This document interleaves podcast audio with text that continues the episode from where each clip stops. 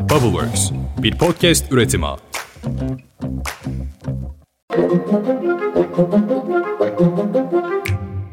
Günaydın. Bugün 7 Ağustos 2023. Ben Özlem Gürses. Bubbleworks Media ile birlikte hazırladığımız 5 dakikada dünya gündemine hepiniz hoş geldiniz.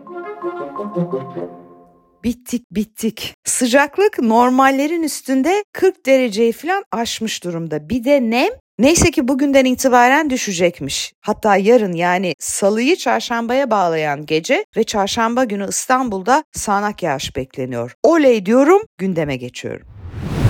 Cumhurbaşkanlığı kabinesinin Erdoğan başkanlığında bugün toplanması bekleniyor. Kritik kabine toplantısının en önemli gündem maddeleri tahıl koridorunun geleceği bizi de doğrudan ilgilendiriyor şüphesiz ki ve dış yatırım odaklı ekonomi planı. Hafta sonu çok kritik bir yatırım toplantısı vardı JP Morgan'ın düzenlediği. Bakan Mehmet Şimşek ve Gaye Erkan oradaydı. İyi geçmediği söyleniyor bu yatırım toplantısının. Bakalım kabineden sonra ulusa seslenişte Erdoğan neler anlatacak?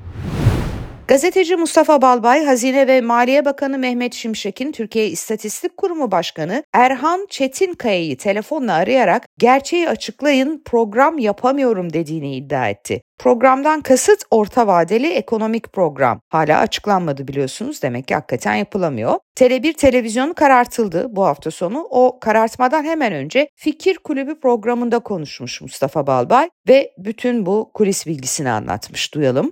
Mehmet Şimşek bir taze kulis bilgisi olarak paylaşıyorum. TÜİK başkanını aramış. Ya gerçeği açıklayın program yapamıyorum demiş. TÜİK, TÜİK'in de bir nebze hani bu son açıklamayı biraz daha gerçekçi demeyelim ama yakın yaptığı söyleniyor. Hiçbirimiz IMF'yi istemiyoruz. Evet. Ama IMF geldiğinde tekrar ediyorum istemiyoruz. Ama IMF geldiğinde bir plan yapıyordu.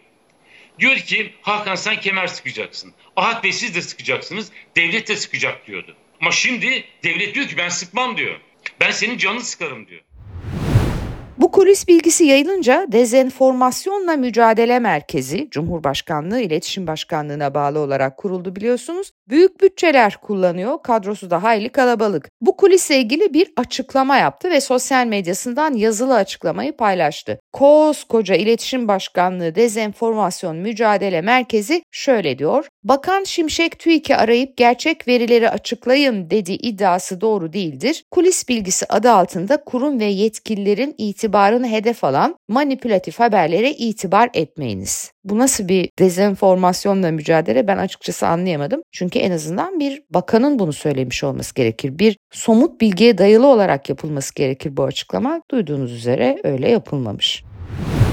Bu arada ekonomide zam yağmuru devam ediyor. Tüketici dernekleri Ankara'da bir yürüyüş gerçekleştirdi. Dün zam yağmuru altında ezilip duruyoruz diye. Bir ayda ikinci zamda Mersin'de yolcu taşıma ücretlerine geldi. Sivil yolcu için 17 lira, öğrenci için 11 lira oldu Mersin'de dolmuş ücreti.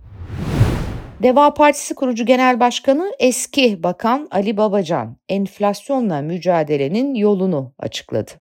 Temel gıda ürünlerinin fiyatını Türkiye'de kim belirliyor? Sayın Erdoğan belirliyor. Şimdi etin fiyatını belirleyen o, sütün fiyatını belirleyen o, buğdayın fiyatını belirleyen o. Enflasyon olunca, maliyetler artınca suçlu kim? Mesela enflasyon değil mi? Maliyeti aşağı çekelim diyoruz.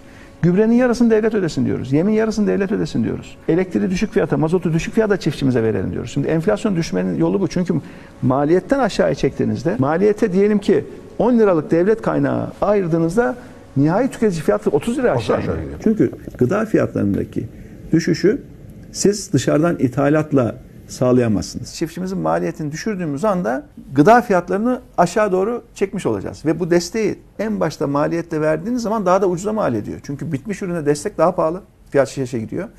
Ama ham maddeye inip ham maddede desteği verdiğiniz zaman bütün maliyeti aşağı doğru çekiyorsunuz.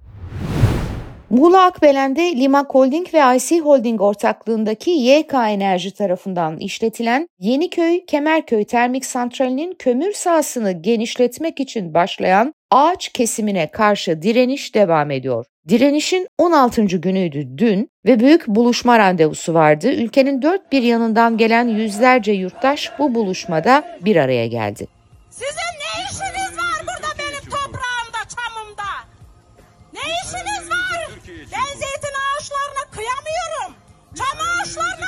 kıyamıyorum. Onlar bir canlı.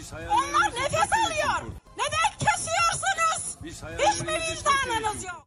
Alana girişte kuyruk oluştu. Yurttaşlar jandarma barikatıyla karşılandı. Alana girişlerin kimlik kontrolüyle yapılması tepki çekince barikatlar kaldırıldı ve açıldı. Oyuncu Levent Üzümcü'nün de katıldığı büyük buluşmada bir kez daha ormanlar kesilmesin mesajı verildi.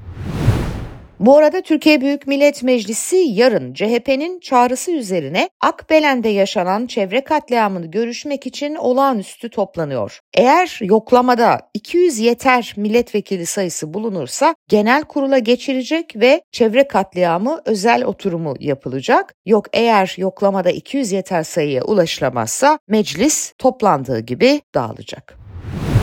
Marmara Denizi'nde Yalova açıklarında 3.6 büyüklüğünde deprem meydana geldi. Uzun zamandır depremleri unutmuştuk. Oysa ki daha çok kısa bir süre önce malumunuz asrın felaketi yaşandı bu topraklarda. Ama bakın deprem kendini hatırlatıyor işte. Marmara'daki depremin derinliği 7,7 kilometre olarak ölçüldü. Depremi Yalova, İstanbul, Kocaeli, Sakarya ve Bursa'da hissetmiş. İstanbul Büyükşehir Belediyesi Genel Sekreter Yardımcısı Gökçe Buğra yaptığı paylaşımda verileri takip ettiklerini dile getirerek şöyle yazdı. İlk gelen bulgular yaşanan depremin Marmara için olağan bir sismik aktivite olduğu yönünde konuyu dikkatle takip ediyoruz, saygıyla duyururum. Evet İstanbul depremi herkesin senelerdir beklediği felaket bir gün gerçekleşecek.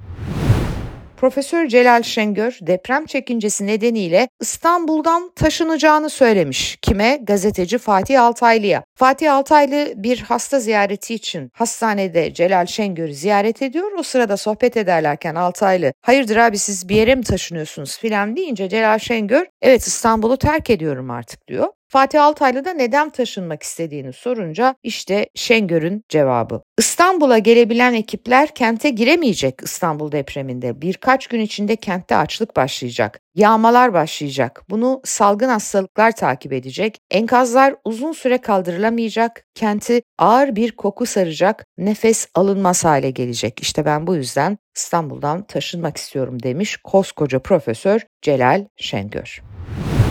Böyle bir döneme denk geldik. Gördüğünüz gibi iklim değişiklikleri, felaketler. Çikolata üretiminde kullanılan ana maddelerden kakaonun fiyatı iklim değişikliğinin olumsuz etkisi ve Rusya'nın Ukrayna işgalinin ardından başlayan gübre kıtlığı nedeniyle rekor kırdı. İster misiniz bir de çikolata kıtlığı başlasın?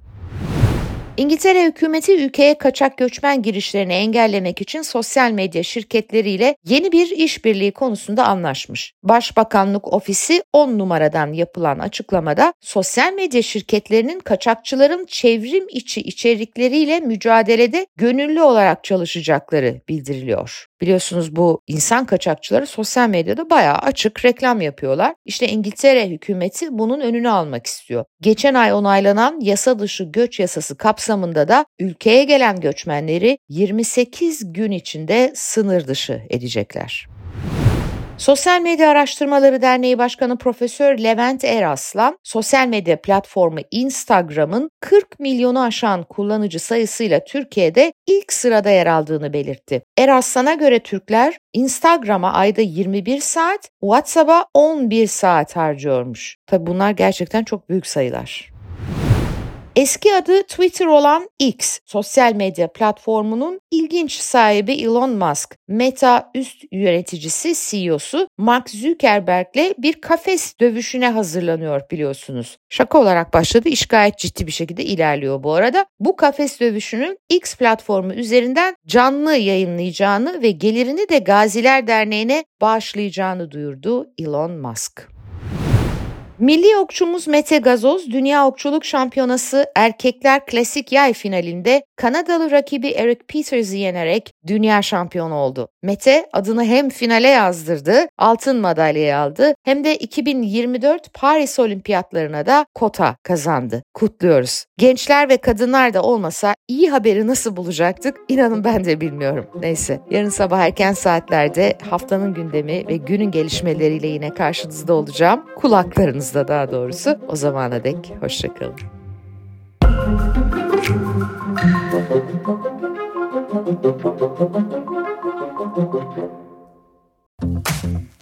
Bubbleworks bir podcast üretimi.